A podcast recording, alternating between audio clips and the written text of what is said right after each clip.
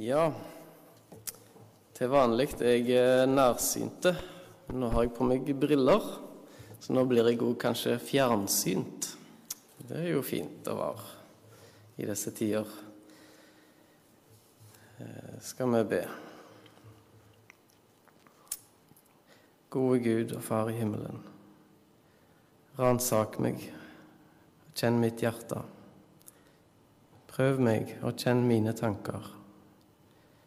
Se om fortapelsens vei har inntatt meg, og led meg på evighetens vei. Velsign ordet ditt for oss. La navnet ditt helgast for oss, Jesus. La riket ditt komme til oss. La vilja di skje med det som jeg har å bære fram her. I Jesu navn. Amen. Ifølge tekstrekkene så er vi nå inne i det som blir kalt fastetida. Og Flere plasser i verden så blir dette med faste brukt som en behandlingsmetode eh, for forskjellige medisinske tilstander. Eh, det handler da ofte om å avstå ifra mat, eh, bare drikke vann over en viss tid. Men det har òg blitt vanligere å ha f.eks. digitale faste. At en ikke ser TV eller ikke bruker mobilen over en viss tid for å fokusere mer på familien, eh, bibellesing eller andre ting som en tenker er viktig å gi tid. Eh, men i Bibelen så er faste uløselig knytta til bønn. Eh, og det er noe mer enn bare ei kort aftenbønn før du legger deg. Det er faste og bønn. I dag er tekstene spesielt retta mot hva en kristen skal gjøre eller tenke og tro når livet gjør vondt, når sykdom og ulykke, når lidelse velter innpå og virker å ta over hele livet. Og ikke bare det, men Gud er ikke der. Jesus er fraværende. Og vi må møte alt dette her alene. Hva gjør vi da? Hva når bønnene ikke virker lenger? Når Bibelen virker helt tom og livløs, og det er lite trøst og hjelp å hente fra andre òg? Hva er da poenget med hele kristendommen? Jeg skal lese fra Markus 9, også vers 14-29. Da de kom til disiplene, så de en stor folkemengde omkring dem og noen skriftlærde som var i ordstrid med dem. Og straks alt folket fikk se ham, ble de forferdet, og de løp til og hilste ham. Han spurte dem, Hva er det dere strides med dem om? En i folkemengden svarte ham, Mester, jeg har ført til deg min sønn, som er besatt av en stum ånd. Når den tar tak i ham, sliter den i ham, han fråder og skjærer tenner og visner bort. Jeg sa til dine disipler at de skulle drive den ut, men de var ikke i stand til det. Han sa da til dem, Du vantro slekt, hvor lenge skal jeg være hos dere? Hvor lenge skal jeg tåle dere? Før ham til meg. De førte gutten til ham, og da han så Jesus, begynte straks ånden å rive og slite i gutten, så han falt til jorden, veltet seg og frådet. Og han spurte hans far, Hvor lang tid har det vært slik med ham? Han svarte, fra barndommen av. Ofte har den kastet ham i ild og i vann for å gjøre ende på ham. Men om du kan gjøre noe, ha medynk med oss og hjelp oss.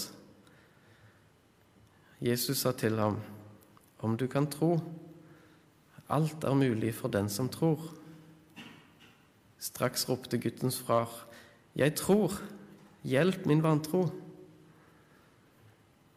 Da Jesus så at folket stimlet sammen, truet han den urene ånd og sa til den, Du stumme og døve ånd, jeg befaler deg, far ut av ham og gå aldri mer inn i ham. Da skrek den høyt og slet hardt i ham og for ut av ham.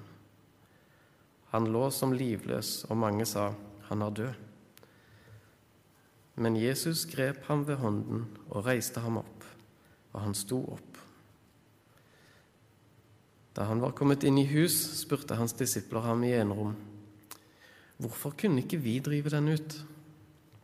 Han sa til dem, dette slag eh, kan ikke bli drevet ut uten ved bønn og faste. Amen. Teksten vår den starta med at folkemengden samla seg eh, rundt de mislykka disiplene. Ikke mange dager før dette skjedde, så hadde Jesus sendt de ut rundt i landet for å forkynne evangeliet, helbrede syke og drive ut onde ånder i Jesu navn. Og Jesus hadde gitt de makt over åndene. Og sånne ting blir det rykter av og oppstyr. Dette hadde spredt seg, og her kom de med inn for å få hjelp. Og etter de hadde vært ute og forkynt, så hadde Jesus tatt med seg Peter, Jakob og Johannes opp på et fjell, der han viste seg for dem i lysende himmeldrakt, sammen med Moses og Elia. Det var en åpenbaring som var så sterke at de ikke fikk lov til å snakke med andre om det, eh, det som de hadde fått sett på fjellet. Men resten av disiplene de fikk ikke se dette her, men de ble værende igjen nede i bygda på bunnen av fjellet. Og folket stimla sammen, og de, det kom en far til dem med sin besatte sønn. Han hadde nesten mista sønnen sin flere ganger. Og det var hans eneste barn, står det en annen plass. Kanskje hadde han gitt opp håpet for gutten for lenge siden. Det var ingen som kunne hjelpe han. Han hadde hatt det sånn fra barndommen av, og det meste av tid og krefter gikk kanskje til å prøve å holde liv i gutten som han var så glad i, hans eneste barn. Kanskje hadde han gitt opp både bønn og gudstru, for det hjalp jo ikke til noe likevel. Og han bekjenner faktisk sin vantru for Jesus. Jeg vet ikke hva årsak som er den største grunnen til at eh, kristne slutta å tro på Jesus. Der er mange som vender seg vekk pga. at andre kristne oppfører seg dårlig, eller på en måte de ikke hadde forventa. Og andre igjen for at de heller vil gjøre de tingene som Bibelen kaller synd, eh, og vil heller leve med en ren samvittighet og vil ikke bli anklaga av verken eh, samvittighet eller menighet, for den del. Andre igjen kan føle at det er dumt. Det blir for dumt å holde fast på at Bibelen er ei sann bok eh, når han forteller om så mye rart, så mye som er så usannsynlig. Jeg tror mange sliter med å tro på en god Gud når de opplever at andre eller en sjøl må oppleve så mye vondt og vanskelig i livet psykisk og fysisk sykdom og bli utsatt for grov vold eller andre kriminelle handlinger, det å oppleve dype samlivsbrudd i egen eller i nære familie. Eller kanskje dette her med å sitte trygt her hjemme i Norge eh, og se på nyheter om grusomme og forferdelige ting som skjer andre plasser i verden. Der er ekstreme svolt det er menneskehandel, det er borgerkrig, det er farlige sykdomsutbrudd, det er politisk kaos, det er totalitære regimer, det er gjengvold, det er terrorisme, det er massemord, det er kidnappinger, slavearbeid. Det er så mye galt. Og vi kan følge spor etter djevelen i hele verden. Det er helt grusomt, og det er forferdelig. Og Hvis det er ei overnaturlig makt som styrer verden, som har den i sin hånd, så kan det se ut som det er bare djevelen som rår. Og menneskene kan virke som å være et overlatt til seg sjøl. Ja, hva driver Gud med mens vi er her nede og sliter med livene våre? Hvor er Jesus med all sin makt og herlighet? Disiplene som måtte vente nede med folkemengden, de måtte svare mannen eh, som kom med sønnen sin. Jo, eh, Jesus han er dessverre på fjelltur akkurat nå, sammen med de tre yndlingsdisiplene sine. Eh, det er bare oss her nå. Eh, kanskje han dukker opp etter hvert. Vi vet ikke helt når han kommer tilbake heller. Eh, litt frustrerende. Vi tenker ofte litt for bakvendt når det står om vonde ånder og besatte mennesker i Bibelen. For Bibelen kan fortelle oss om eh, at eh, djevelen kan komme veldig tett innpå livene våre til hver enkelt av oss på mange ulike måter. Bare se på hvordan Jesus plutselig ut av ingenting sier til Peter 'Vik bak meg, Satan'. Og det er bare for at Peter sa at Jesus ikke måtte la seg fange og bli slått i hjel. Jeg tror ikke Peter følte seg besatt. Men det var Jesus som kjente igjen tankegodset som var ifra en annen makt, gjennom Peter. Et veldig annet konkret eh, eksempel det ser vi i leseteksten fra Jobbs bok. I første kapittel i Jobbs bok så leser vi at det er Satan sjøl som får gå veldig tett inn på Jobb sitt liv til å bruke tilsynelatende helt naturlige virkemidler og vanlige ting eh, til å ta ifra jobb alt han eier og har jobba for gjennom livet.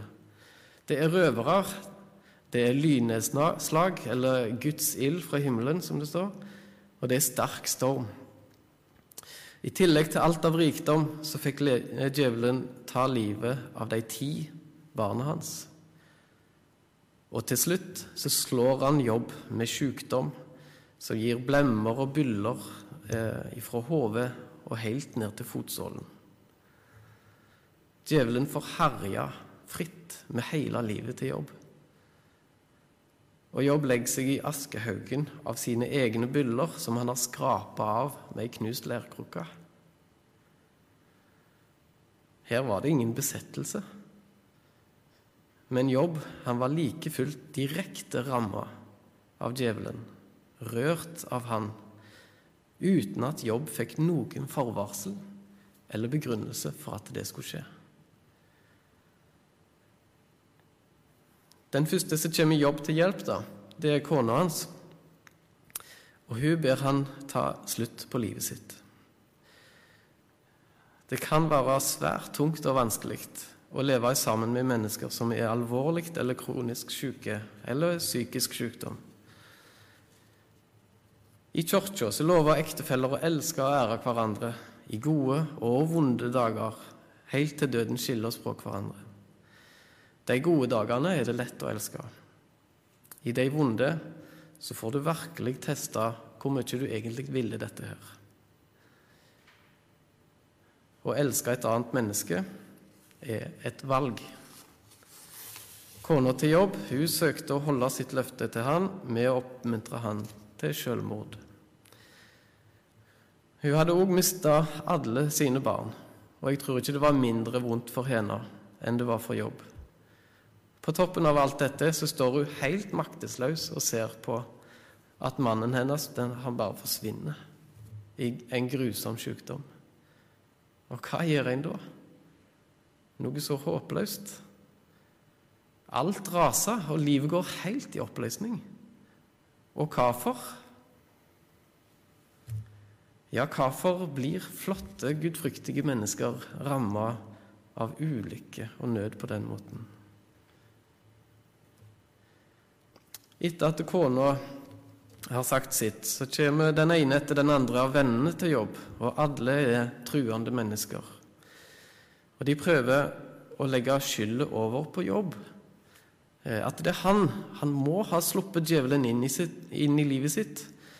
Han har nok gitt på en eller annen måte han gitt lille, eh, Satan lillefingeren, og derfor må han nå betale prisen til fulle. Det er en grunn og en årsak til det vonde. Det er det eneste logiske. Men Jobb går ikke med på dette. Han vender seg ikke vekk ifra Gud i vantru. Men han ønsker å komme, å, komme nærmere Gud og søke å komme nær Han for å få svar. Han tar opp sitt problem med Han som har skapt himmelen og jorda, og har sørga for at alt dette her har hendt. Jobb var ikke et sekund i tvil om hvem som hadde kontrollen. Og det må ikke vi heller være. Djevelen han kan rase, han kan herje og øyelegge liv, familier og hele land. Men bare i den grad Gud lar det skje. Hvis vi ser etter i teksten eh, for å lete etter årsaken til at jobb blir ramma av alt dette, her, så vil vi se at, Gud, nei, at jobb faktisk har rett hele tida. Vi kan legge merke til at Gud, verken Gud eller djevelen nevner ei eneste synd eller gjerning som gjør at Jobb fortjener dette her med han. Og Ser vi i Jobb 1,8, så er det faktisk Gud sjøl som presenterer Jobb for Satan. 'Har du sett min tjener Jobb?' sier han. Gud vet om hvert enkelt menneske og kjenner det til bunnen. Han tar deg på alvor, og han er deg nærmere enn du tror. Og du har både hans oppmerksomhet og hans omsorg. Du opplever aldri sykdom eller vondskap eller vanskeligheter av at han har mista kontrollen, eller at det er plutselig fullt kaos i himmelen. Og det er heller ikke for at han har glemt deg.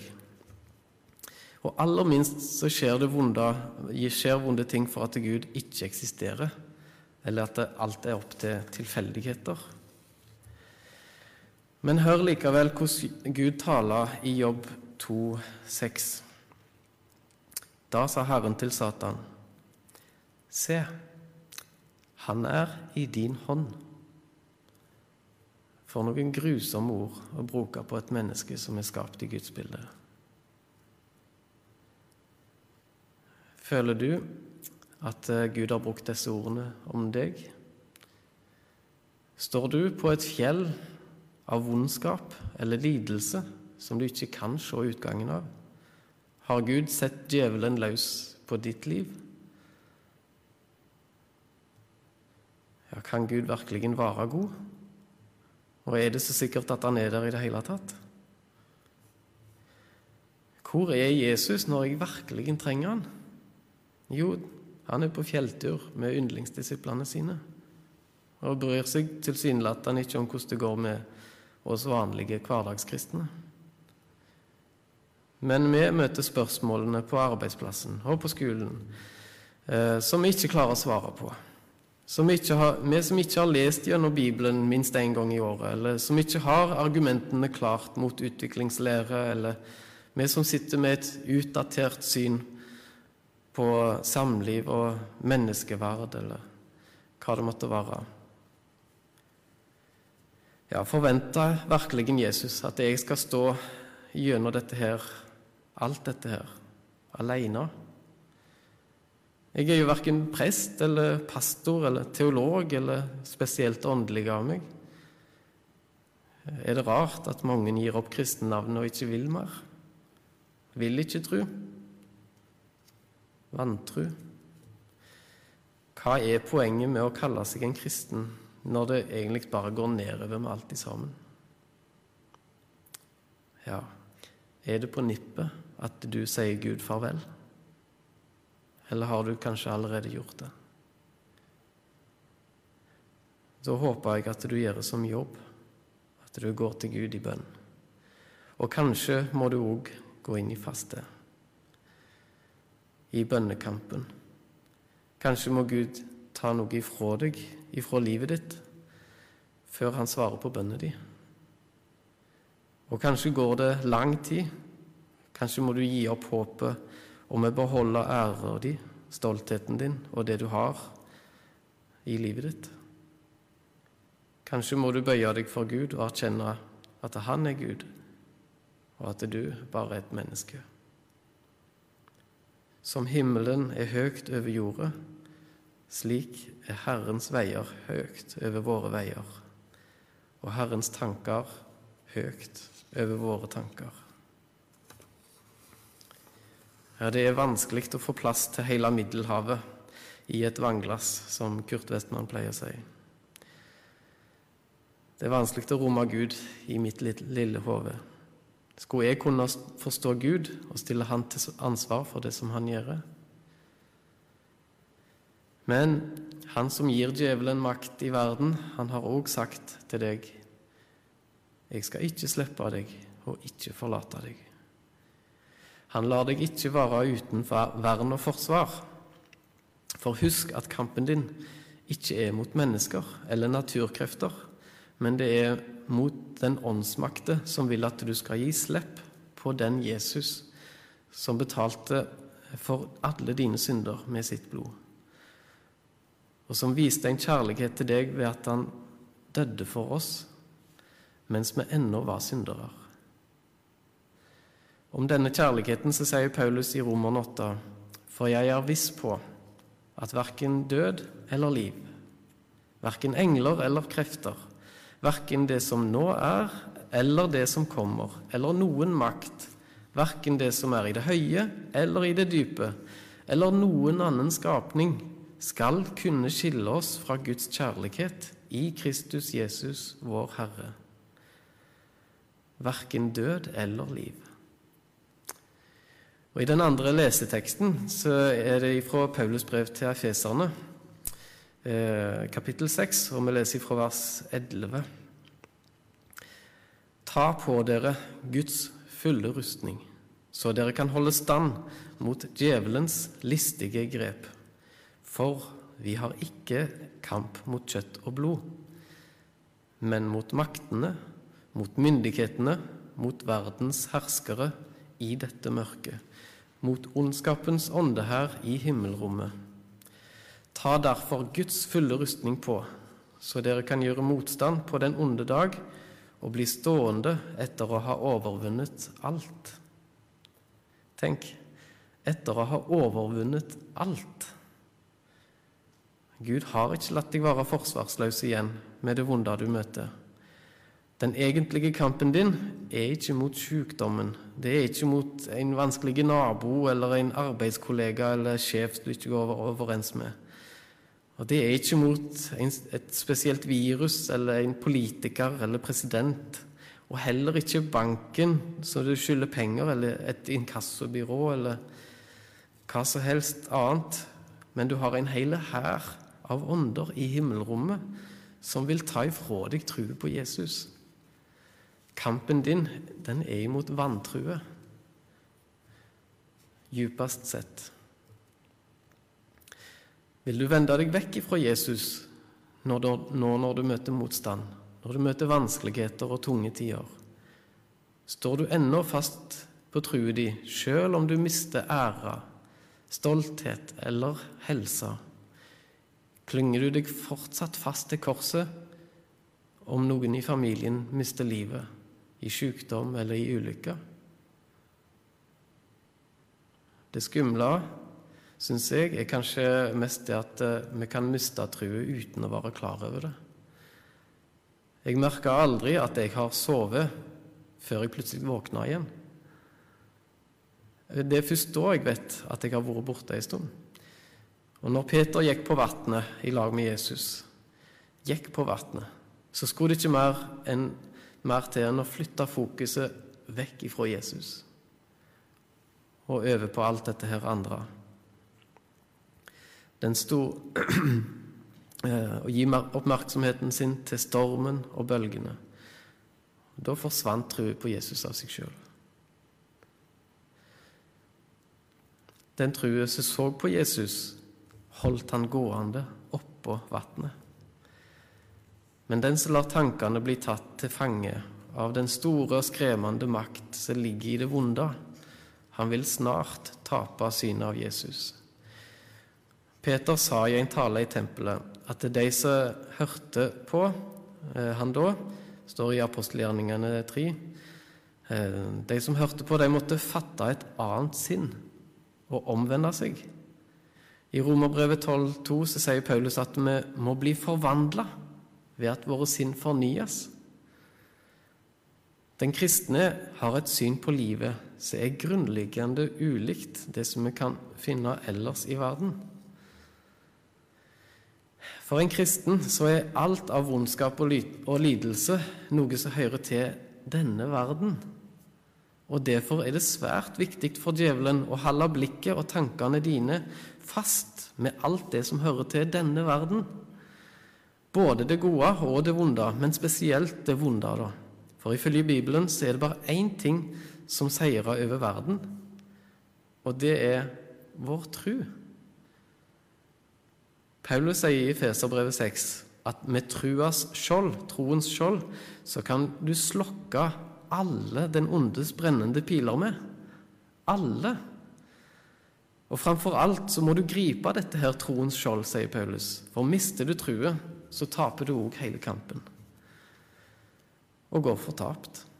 Vantrue sniker seg inn, og du står helt forsvarsløse på den vonde dagen. Med sannheten som belte rundt livet, så vil du bli minnet om at hele verden, den ligger i det vonde men at Jesus og alle de som hører han til, er de eneste som kommer til å få oppleve den nye himmel og den nye jord, som er full av herlighet. Videre på rustningen så har du en fullkommen rettferdighetsbrynje som ingenting kan flekke til eller slå hull på, og du har fått Guds rettferdighet, som er ugjennomtrengelig. Til vandringen din rundt omkring i verden har du fått sko, og det er evangeliet om at Gud har åpna hele himmelen for deg og alle du møter, av bare kjærlighet. For ingenting så gir han bort alt han har, til deg og alle andre som vil ha det, og tror dette budskapet om at Jesus døde for oss mens vi ennå var syndere. Han venta ikke til vi ble flinkere og bedre til noen ting, eh, eller vi hadde skjerpa oss godt nok. Det er ingen du møter på din vei som Jesus ikke har gjort opp synder for. Evangeliet er våre sko på føttene. Frelsens hjelm skal bevare dine tanker i Kristus Jesus så ditt sinn er vendt mot det som er der oppe, og ikke mot det som er på jordet. Så du ikke lar deg skremme, og alltid husker på hvem som egentlig sitter på trona, og hvem som kommer til å seire til slutt. Og inntil alt dette har du fått Guds ord, som er Den hellige ånds sverd. Og når tankene blir tunge, når håpet og gleden din forsvinner, de varme følelsene og den gode sangen blir borte, så ta fram Guds ord. Med det så kan du slåss både med deg sjøl og mot djevelen og med Gud.